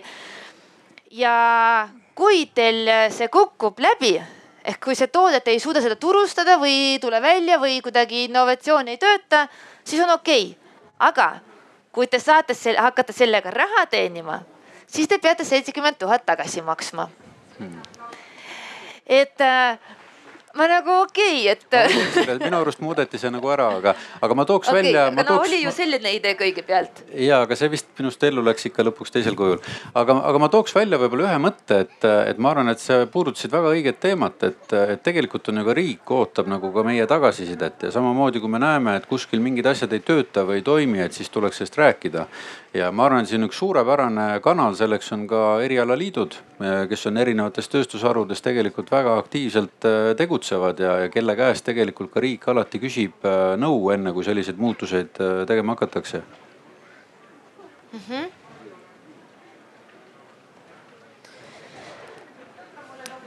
ei ole jah sellist okei okay,, ma kuna. erialid on seal olemas e,. meil oli, meil oli, meil on järjekord, vabandust ei ole digitaalne, ma veel natuke mäletan. nii. tere, minu nimi on Mart Jeltsov ja, ja jah, rääkides erialaliidust, ma olen Eesti Masinatööstuse Liidu nõukogu liige äh, erialalt tuumaenergeetika, töötan Vattenfallis elektriturgude analüütikuna, et, et see ampluaa, millega ma tegelen, päris lai. Ähm, ja ma tahaksin paari punkti nagu puudutada, millest siin juttu on olnud. et esiteks, et äh, siin palju räägiti, et mida oleks vaja teha, et see või ütleme niimoodi, et kui me räägime tootlikkuse tõusu, tõstmise vajadusest, siis, siis milliseid oskusi oleks tarvis arendada või noh kõik me vist enam-vähem saame aru, et see digitaliseerimine, automatiseerimine on, on üks nagu vits, ma ei ütle, et võluvits, aga üks vits. ja, ja ma ütleks, et, et kõige olulisem oskus, mis sellist, selle, selle asja jaoks nagu tarvis on, on tegelikult keeleoskus, aga mm. mitte, mitte eesti ega vene ega, ega inglise keele oskus, vaid programmeerimiskeele oskus mm. -hmm. et näiteks ja, ja et kuidas seda teha, me räägime, oh on vaja tõst, tõsta seda programmeerimiskeele või programmeerimisoskust, aga näiteks Tartu Ülikoolil on üks väga huvitav kursus programmeerimisest maalähedaselt. suhteliselt lihtne, inimesed, kes ei ole kunagi programmeerinud, suudavad selle läbi teha, ma tean, sest ma olen selle nalja pärast tegin ise läbi, olles programmeerinud mitmes keeles, eks ju. minu jaoks oli see võrdlemisi lihtne, aga ma õppisin ka sealt.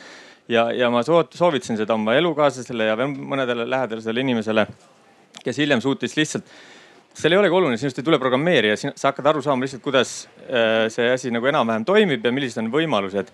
ja, ja, ja inimesed suutsid oma mingid Exceli tabelite asjad lihtsalt kerges programmeerimiskeeles automatiseerida ja nende elu muutus teatud aspektides oluliselt lihtsamaks. ja sellistele inimestele on juba palju lihtsam selgitada siis seda digitaliseerimist, automatiseerimist. nüüd teine näide, et kuidas seda siis ellu viia ettevõtetes. keegi siin mainis, et juht peab aru saama asjast, et siis hakkab pihta masinatööstuse liidu üks ettevõte, hea küll, ma ei häbene välja ka öelda, Radius Machining näiteks viis digitaliseerimise, automatiseerimise projekti läbi ja mina küsisin ka ettevõtte juhilt, et, et kuidas see, et, et jah, et ilmselt algab kõik sellest, et juht peab aru saama. ütles, et ei juht, juhid saavad väga hästi juba varakult aru, juhid saavad esimesena aru asjast, aga ülejäänud ettevõte ei pruugi aru saada. ja selleks see ettevõte palkas sellise inimese nagu, ma ei oskagi seda ametinimetust nagu öelda, aga no motivatsioonikoolitaja või selline, ütleme nagu Peep Vain tüüpi inimene. et ta ei pruugigi aru, olla eriala ekspert, aga ta oskab viia mingit sõnumit äh, laiali iga, igas suunas ettevõttes ja, ja siis läks see protsess käima nagu noh tuleb lihtsalt hoogu juba tagasi hoida põhimõtteliselt, et inimesed hakkasid kõik aru saama, et, et see, see, see sõnum peab ühtlaselt läbi, läbi ettevõte arenema ja nüüd kõik see tehakse selleks, et tootmist tulemuslikumaks või tootlikkust parandada, et selle, selle nimel. Aga mina arvan, et Eestis ei ole sellega üldse probleemi, siin oli väga hästi mainitud, et allhankemaa ja üks oluline asi on see, et me peame ise hakkama mõtlema selle, aga selles osas ma ka ei näe Eestis väga probleeme, väga palju ägedaid lahendusi tuleb välja. ja tootlikkust äh, tõsta, see on, kõik need on piiratud asjad. aga mina arvan, et tegelikult, kus peaks rõhku panema natuke rohkem, on investeeringute ja, ja, ja noh, kõige muu näol on see väärtusahela viimane ots ehk siis bränding ja, ja turundamine, turustamine. et see on see koht, kus tegelikult me saame rohkem müüa, saame kallimalt müüa ja meil on seal vaja nii-öelda rohkem julgust ja oskust ja sinna tuleb investeerida tegelikult, et see on nagu pigem nagu inimeste, inimestesse investeering, et, et, et ja see ei ole piiratud äh, kasvuvõimalusega, see on noh, võiks öelda isegi peaaegu et piiramatu mõnes mõttes maailma mastaabis. absoluutselt nõus jah, sellepärast startup ides töötan. jah, ega valisin kõige põnevama koha. nii, oli veel üks küsimus siitpoolt. tundus mulle siin oli. Tahate veel sõna okei okay,, no me ministeerium, kuna me loodame, et saate meid aidata, siis et me anname teile jah, veel üks. ei kord. tahtnud kuidagi öelda, et ma nüüd hakkan oma arvamust, ma tahtsin kommenteerida, et mida, kuidas riik mõtleb, et. et äh, mina ütles ka, et see, mina nimetan seda siis äh, või meie oma meeskonnas nimetame seda oskuste valitsemise poliitikaks, kuidas ütleb OECD. ja veetakse, et sellele, eks ole, kuidas me inimesi tulevikus õpetame ja nende oskusi uuendame, et sellel on no õudselt suur roll. Äh, ja see me, meile meeldib mõelda õppimisest rääkides äh, haridusministeeriumist, formaalharidusest ja noortest. aga tegelikult enamik meie majanduspoliitika edu tuleb ikkagi täiskasvanute äh, õppimisest ja sellest, kui hästi me oskame täiskasvanute oskusi uuendada. ja ma ütleks, et parasjagu käivad äh, ka arutelud, kuna pannakse kokku, eks ole, uut haridusstrateegiat, mis vaatab oskusi laiemalt ma ise ei oska öelda, kas selle tagajärjel nüüd saabub selline koordineeritud oskuste poliitika. see tähendab, et kõik riigi osapooled mõtlevad läbi, et kui me koos, riik saab arendada siiski ainult osa oskustest. riik ei tohi kanda kõiki rolli, sest vastasel juhul maks, äh, maksavad maksumaksjad kinni ka edukate ettevõtete innovatsiooni, mida tõenäoliselt me ei suuda kanda. riik peab ühelt poolt mõtlema, eks ole, et mis on kõige hullem, see tähendab, kes on osapool, kes vajab kõige rohkem abi turutõrgete tõttu mm. -hmm. ma ise väidaks, need on äh, lihttöölised väikeettevõtetes või ettevõtetes, kes ise ei suuda üldse koolitada. ja võib-olla riik peab ka investeerima kõige suuremat lisaväärtust omavatesse siis äh, töökohtade, töökohtadesse või täiendümberõppesse ja kuskile sinna vahepeale peab siis tekkima kaks asja. üks tõenäoliselt selline matching süsteem kus iga osapool panustab natuke, tööandja, riik, töötaja mm, -hmm. välja arvatud võib-olla siis see alumine ja päris ülemine osa sellest innovatsioonist. ja siis teine asi, mis nüüd peab tulema siis selle haridusreformi kaudu, meil on tegelikult vaja seda koolitusökosüsteemi, millega üldse hakata inimesi harima. et äh, olen täiesti nõus, et ülikooliharidus väga vajalik, aga tõenäoliselt väga paljud täiskasvanud ei jõua oma, omandada uut kraadi, millel ei ole ka seda tarvis. meil pigem on vaja seda, et meil tekiks koolitusettevõtteid, kes oskavad minna ühe tööstusettevõtte juurde ja siis kujundada neile see programm, et näiteks kolme kuuga teie töötajad on nüüd võimelised selle muudatuse ellu viima. ja see ka, ka ministeeriumites me mõtleme selle üle, ma luban. aga kindlasti seda ei saa teha üksi, et see on keerukas ja raske teema. nii et äh, mida rohkem me kõik selle eest seisame, ma arvan, et seda suurema tõenäosusega sellised äh, muutused saavad tulla. absoluutselt, väga nõus. me paraku me praegu ei seisa selle eest, aga istume kõik usinasti. aga mulle väga meeldis, et puutusite jälle kokku äh, või mainisite koolitussüsteemi, sest see on see, mis ma tahtsin veel küsida, et mulle tundub, et me oleme juba kõik aru saanud, et me ei tohi piirata täiendõppega, me ei tohi piirata ennast äh, ainult täiskasvanute või, või viiskümmend pluss või, või natuke nooremad või natuke vanemad või päris noored. aga mis lapsed ja, ja just need, kes veel koolis, mis te arvate, kas, mida nemad peavad täna õppima? Sest tegelikult viie aasta pärast nad on tööturul või kümme aasta pärast see tuleb tšuhti. on teil mingi arusaam või nägemus? ma lihtsalt omast kogemust, et, et, et Mektoris tehakse päris head tööd lastega, et seal on robootika ja muud äh, Mektori, kui keegi ei tea, Mektori on Tal-, TalTech ehk Tallinna Tehnikaülikooli Mm. innovatsioonikeskus. aga kuna tehnoloogia areneb kiiresti, et minu nelja-aastane tütar saab juba lasteaias saab robootikat. tal oli see valikus, võttis selle ja, ja ütleme, et vanem poiss on siis kolmteist, tema on äh, Mektoris kõik robootikakursused läbi käinud, tal on juba igav, eks ole, et noh, et, et meil on tarvis nagu juba uusi kursuseid nagu sellisele vanemale koolieale, et, et, et selles mõttes äh, siin on võib-olla sihuke väike auk sees, et äh, meil oli ka üks äh, projekt kahekümne esimese kooliga, et, et äh, rakett kakskümmend üks, kus siis tegime nendele ka sellise võistluse, et kes on parim noor tulevane insener. Ja, ja tõesti noh, on näha, et, et on koole, kus siis äh, tehnoloogiaõpetuse tase on niivõrd ta kõrge, et, et neil on olemas väga head robootikaklassid, väga head robootikaõpetajad et äh, siin, siin tõesti see, see noorsugu astub juba kandadele, et mm. -hmm. kas teile ei tundu, jah, selline küsimus, mis ma tahaksin lihtsalt võib-olla teie tuge, et mulle tundub, et tõesti üli, mõnedes koolides, kuna ma ise ka tegelen selle valdkonna, selles valdkonnas natuke, et ma näen, et mõned koolid on niivõrd ülimalt tublid, et ma näen, et nende õpilased, no minu projektides, kes osalesid, nad läksid näiteks, vabandust, Tartu Ülikooli ja TalTechi ja vahepeal ütlevad, ah oh, ma seda kõike tean. Et siis neil on nagu igav ja no õnneks nad saavad kokku leppida õppejõududega, et umbes ah, mis ma siin käin, siis ma niikuinii seda, seda juba oskan. et nad koolis seda on ära õppinud teiste programmide raames. aga mõned koolid on kahjuks sellised, et äh, õpilased tulevad välja ja nad ei oska mitte midagi digitaalsest maailmast ja seda kahjuks, sest meil ei jätku ka robootika või mingi inseneeria äh, ringide juhendajad või füüsikaõpetajad on ju täiesti maailma lõpp, mis meil siin Eestis praegu toimub sellega. ei no on igal pool jah, ma ise füüsikuna tunnen suurt-suurt südamevalu selle kohta, et kes siis veel õpetab neid füüsikuid, et mis te arvate, kas ettevõtjad kuidagi saavad aidata või suunata? ma kohe ütlen, mina ei usu sellesse, et riik peab valima prioriteedid, ma ei tea, kindlustama või kinnitama õppekavad ja siis on jälle neli aastat mööda ja siis jälle on juba ainult Esil suudab oma nädalaga paremat tööd ära teha. Sorry ma arvan, et äh, ettevõtjad muidugi võiksid panustada ka koolidesse, et leida neid õpetajaid, et on, on olemas ka näiteid, kus äh, ettevõtjad saadavad enda poolt kellegi koolidesse õpetama. kas samu neid robootikaid või majandust või kõike seda, et äh, muidugi, et kui on niisugune väiksemas kohas on ettevõtja ka, et siis nii-öelda panustada ka kogukonda. absoluutselt, et see peaks olema ainult riigi ülesanne. ja see sedapidi ka veidikene siis tagada endale seda järelkasvu, et kes nende tulevased töötajad on, et nad oleksid ka nii-öelda mõtlevad inimesed ja oleksid juba nii-öelda valmis veidikene nende juurde tulema.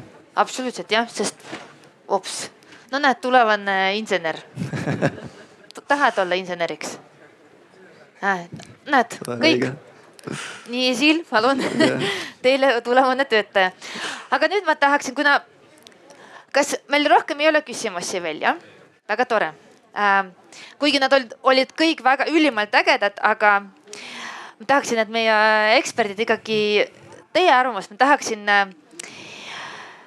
teie kolm, teiepoolsed kolm konkreetset sammu, et nii-öelda selle tiigrihüppe, kui me nimetame seda tiigrihüppeks sest me rääkisime brändingust, me rääkisime sellest, et kuidas põhimõtteliselt meil jälle on vaja üle hüpata allhanke maast äh, sinna maasse või, või maa staatusesse, kus kõik investorid jooksevad ennast hulluks, et siia investeerida.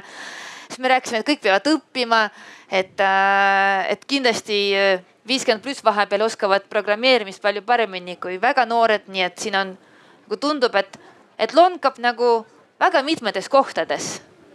Et mis oleks, alustame siis sinust, mis oleks sinu kolm konkreetset sammu, et mida teha et see ja mäletame, digitaliseerimine ei tähenda lihtsalt nagu ilusate nuppude paikapanemine, vaid suurem tootlikkus ja efektiivsus ja inimeste rõõm ja õnn. katsun siis kuidagi oma mõtted koondada, et kolm, kolm sellist konkreetset ja. soovitust, et ma ütleks, et punkt üks võiks olla see, et tegelikult võiks kõikides ettevõtetes mõelda selle täiendõppeprogrammi peale ma arvan, et see on, et kuidas nagu, kuidas luua selline programm, et aidata neid oma töötajaid nagu edasi omandada need baasoskused, mis on vajalikuks nii-öelda nende uute tehnoloogiate ellutoomiseks. Võib-olla teine samm võib-olla riigi poole on see, et kuidas, kuidas aidata tekitada selliseid kompetentsikeskuseid, kust saada nagu ka abi konkreetselt digitaliseerimine, automatiseerimine võib-olla selliseid keskseid kohtasid, minu arust hea näide on siin adapter, mis on nagu põhimõtteliselt ühe aastaga, kui aastate statistikat vaadata, kasv oli sadades, noh ikkagi väga suur protsent oli nagu see päringute arv, kuhu siis ettevõtted pöördusid. kas kõik teavad, mis asi on adapter? kes on kuulnud sõna adapter? ahah, kaks inimest, kolm. Väike kodus on jah, näed kõikidel. põhimõtteliselt, kui ettevõttel on tood, tootearendusidee, tahaks kuskilt aru saada, et kuhu pöörduda ülikoolis, siis saab ühte kohta kirjutada, see läheb kolme tuhande Eesti teadlaseni äh, kõikides kõrgkoolides ja nädala jooksul tuleb vastus, kelle pool, kelle juurde pöörduda ja kus siis abi saab. Äh, et see oli tei-, punkt kaks, äh, et selline kompetentsikeskuste loomise teema. Ja punkt kolm on see, et ma ütleks, et ähm, investeeringud Eestis on kindlasti vaja rohkem investeeringuid ja, ja neid investeeringuid ei tohiks edasi lükata, sest et ma arvan, mida me täna näeme ka, on see, et, et kui ikkagi ettevõtted lükkavad neid investeeringuid uutesse tehnoloogiatesse edasi, äh, siis äh, ühel hetkel hakkavad ettevõtte tulemused halvenema ja see ettevõtete investeerimisvõimekus langeb ja see on, ma ütleks, suur-suur oht tegelikult, et ikkagi ma kutsun nagu üles nagu, nagu, nagu kindlasti neid plaane ellu viima. ja, ja kui kuskil on mingid takistused, probleemid, et tulge ja arutame. Väga hea, näete, pann kohe kutsub teid enda juurde, väga tore. Siim. ja mulle väga meeldis see esimene mõte, mis sa ütlesid, et inimestega tuleb tegeleda et mis praegu võib-olla ongi probleem, on see, et kes inimestega peaks tegelema, on siis juhid, aga juhtidel kohati tundub, et ei ole aega sellega tegeleda. et nad noh, tulen siin veidikene jälle enda, enda, enda ettevõtet promoma, et tegelevad nende Excelite asjadega et mm. võib-olla tulekski esmalt siis aru saada, et kus see aeg kaob, et see aeg, milles, mis sa peaks tegelema inimestega, oma töötajatega, nende koolitamisega. et kus see aeg kaob, kõigepealt see välja uurida. see, kui sa selle oled välja uurinud, ära mõõtmestanud, et see reaalselt ka see probleem on siis sa suudad juba selle defineerida ja otsida ka seda abi. et -hmm. kes see suudab sind aidata sellega, et kuidas seda olukorda lahendada. jep. veel kaks, kui, kui rohkem ei ole. oma arust nagu tohin. sul, sul on jah kolm, kolm ettepaneku kvoot. eks siis jah, et üks on see, et äh, nii-öelda see juht siis defineerib enda jaoks ära, et kus ta aega kulutab, siis teiseks on see nende väljaõppega tegelema hakata ja mis siis äh, võib-olla ongi, et on tegelikult on see teadmiste probleem, et ettevõtjad ei tea, kus seda nii-öelda seda abi saada, seda infot saada, et võib-olla see võib siis olla nii-öelda mingi erapooletu äh, IT-spetsialist või keegi selline, kes oskab siis ettevõtteid edasi juhendada, et mm, -hmm. et kui nad soovivad mingit nii-öelda lahendust saada, et siis kuidas, mis punktid seal olulised on ja mida siis nii-öelda nende partnerite käest küsida. et ei oleks nii-öelda kuhugile tundmatu digilahenduse vastu ei läheks ettevõtja võitlema, mis on tema jaoks täiesti võõras mm. -hmm. see tundub nagu sel äh, Rauli poolt pakutud need nagu adapter või, või selline kompetentsikeskus, et sealt inimesed, kes äh, põhimõtteliselt nagu suud, suudaksid selle kasvõi mõned esimesed sammud ära pakkuda, et kohe mitte miljonit kulutada. nii, tänan. Ano siin on kolm ettepanekut on eri tasemel, et esiteks on riigi tasemel, et meil oleks tarvis riigi poolt sellist nagu digiuuenduskeskuse toetust, et Digi?. digiuuenduskeskuse Digital Innovation Hub on sihuke mõiste, mida siis Euroopas eri riigid kasutavad. ja siis mitmes riigis on ka siis riiklik tugi sellel olemas, et see võimaldab seda, et noh, kas on siis ülikooli juures kusagil, aga, aga riik seda toetab nii palju, et väikeettevõtted saavad tulla oma murega või, või probleemiga ja, ja selleks on siis vahendid olemas siis ülikooli juures või kusagil sellises digiuuenduskeskuses, et kuidas digitaliseerida ka väikseid teine ettepanek, et äh, õppige kõik, et, äh, et väga lihtsalt öelduna, et me oleme oma õppekavasid muutnud päris kõvasti IT suunas. praegu bakalaureused kõik saavad programmeerimist esimest, teist ja veel midagi juurde. et ütleme, et noh, need insenerid, kes tulevad välja Tehnikaülikoolist nüüd lähiaastatel on, on nüüd märksa digiküpsemad kui, kui need, mis varem. et need, kes on varem lõpetanud, isegi mitte nagu viiekümne aastased, vaid, vaid kolmekümne aastased, et äh, mõelge, et okay. on vaja uusi oskuseid. ja, ja võib-olla siis kolmas on see, et, et, et võib-olla tõesti siin tulevikus ka pank tuleb appi, et, et me saame nagu osta siis äh, roboteid ja autosid äh, mitte nagu siis raha eest, vaid et noh, et, et pool Mitte raha ja eest. siis pool infot.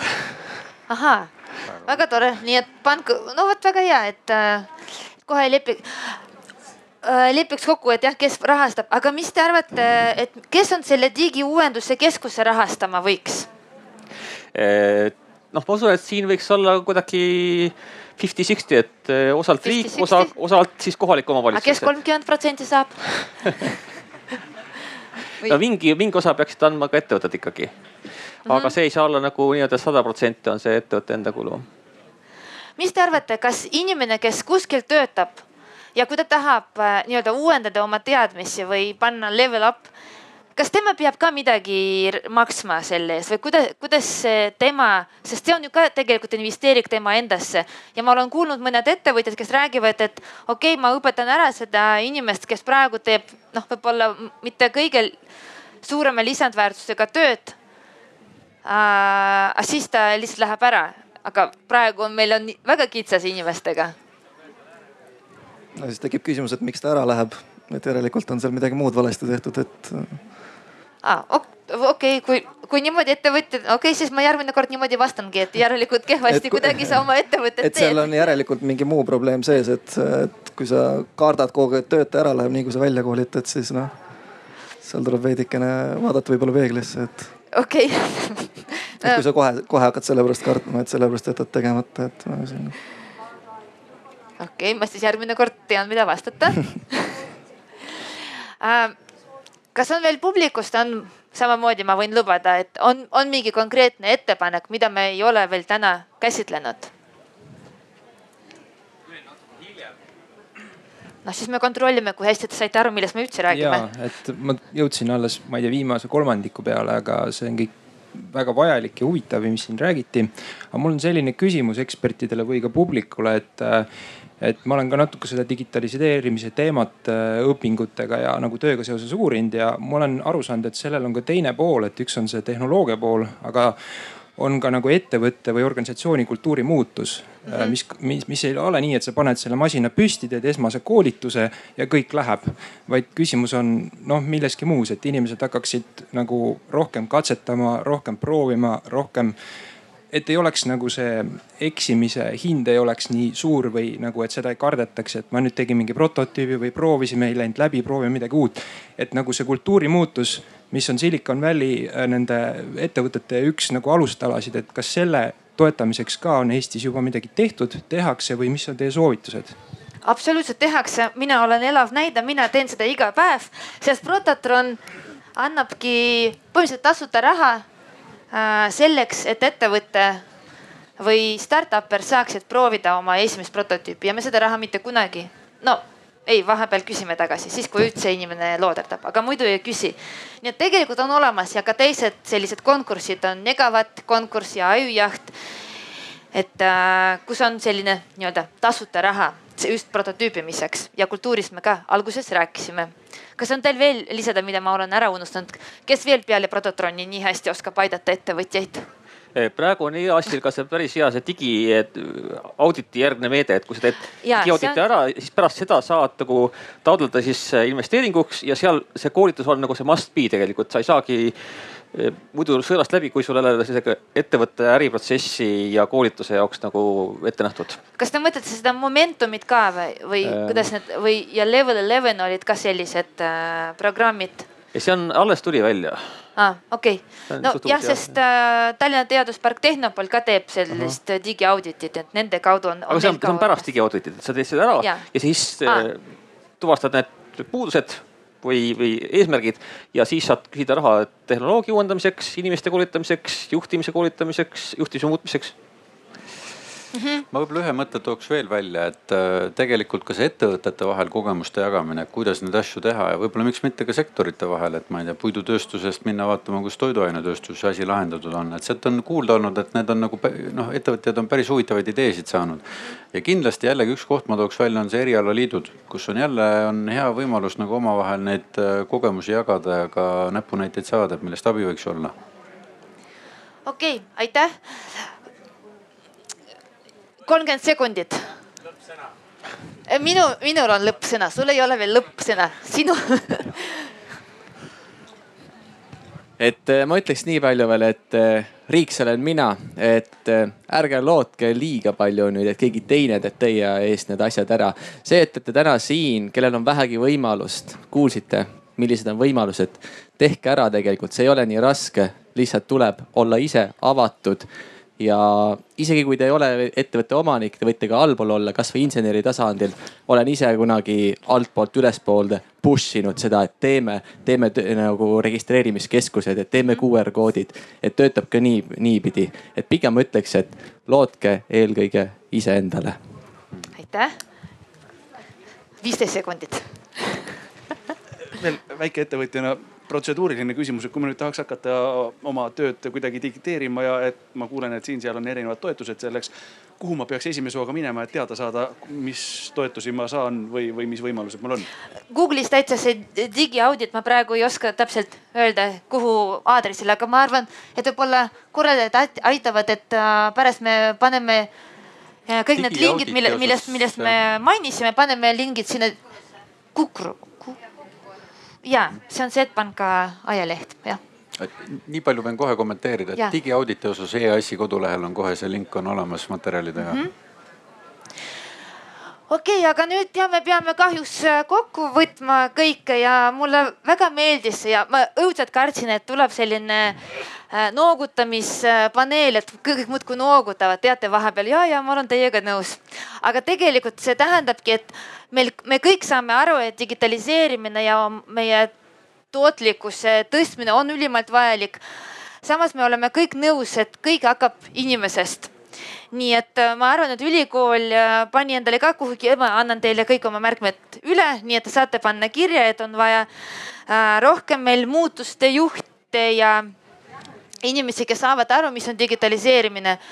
siis kindlasti üle vaadata, kuidas tekiks mingi konkreetne hub, mis, mis oleks selline, mina, minu arust oleks selline võimalikult äh, äh, väiksemal määral kuidagimoodi ära raamistatud riigi poolt või kellegi poolt, kes annab, annab neile raha, et nad tõesti saaksid äh, olla väga paindlikud ja mitte sõltuda EAS-i või mis iga, kes iganes nagu meetmete reeglitest, aga teha täpselt seda täna, mida, mida just täna vaja. ja ma saan aru, et siin kõik peavad äh, kuidagi üheskoos seda kõike rahastama, et see tekiks ja minule isiklikult väga meeldisid ideed äh, sellised, et kõikvõimalikud äpid ja koolitussüsteemid peavad kõigepealt olema ülimalt mugavad. nii et kõik, mis me tahame siin, et meie inimesed õpiksid, need koolitusprogrammid peavad olema väga mugavad, lihtsad ja põnevad. mulle ka väga õudselt meeldis see maalähedane programmeerimine, ma ise tegin ka selle ära, et noh, tõesti väga vahva, et nagu lihtsalt äh, lihtsalt aja veetmiseks oli väga huvitav. siis mulle väga meeldis, et äh, ma, ma täitsa unu, unusta, unistaksin sellest äh, momendist, millal meil ka pagarid õpiksid inseneeria ainet ja IT-d. Sest, äh, sest kui me jõuame sel-, sinnamaani, et pagar teab ka noh, põhimõtteliselt teab, kuidas käsitsi tainast sõtkuda, aga samas teab ka, kuidas masinat ehitada, et masin teeks seda piruka siis ma arvan, et äh, see tiigrihüpe oleks saavutatud. ja veel üks minu mõte oli selline, et äh, mulle tundub, et ka praegu Eestis, kuna meil puudub selline ühtne ja selline kohe käiku lastav süsteem, kuidas selle digitaliseerimist teha, siis tegelikult me võime seda võtta nagu meie eelis. et äh, vahepeal need, kes võib-olla natuke jäävad hilja jooksevad, võtavad natuke kiirendust juurde ja hüppavad sinna rongi sisse niimoodi, et teevad veelgi paremat kui teised, kes justkui, kui praegu midagi teevad. nii et äh, mul oleks hea meel, kui te pärast tuleksite sinna Kukrusse, vaataksite, mis me sinna kirjutame. sinna kindlasti paneme oma kontaktid, nii et võtke ühendust. ma arvan, et me oleme kõik ülimalt nõus teid kõiki aitama. aitäh. aitäh.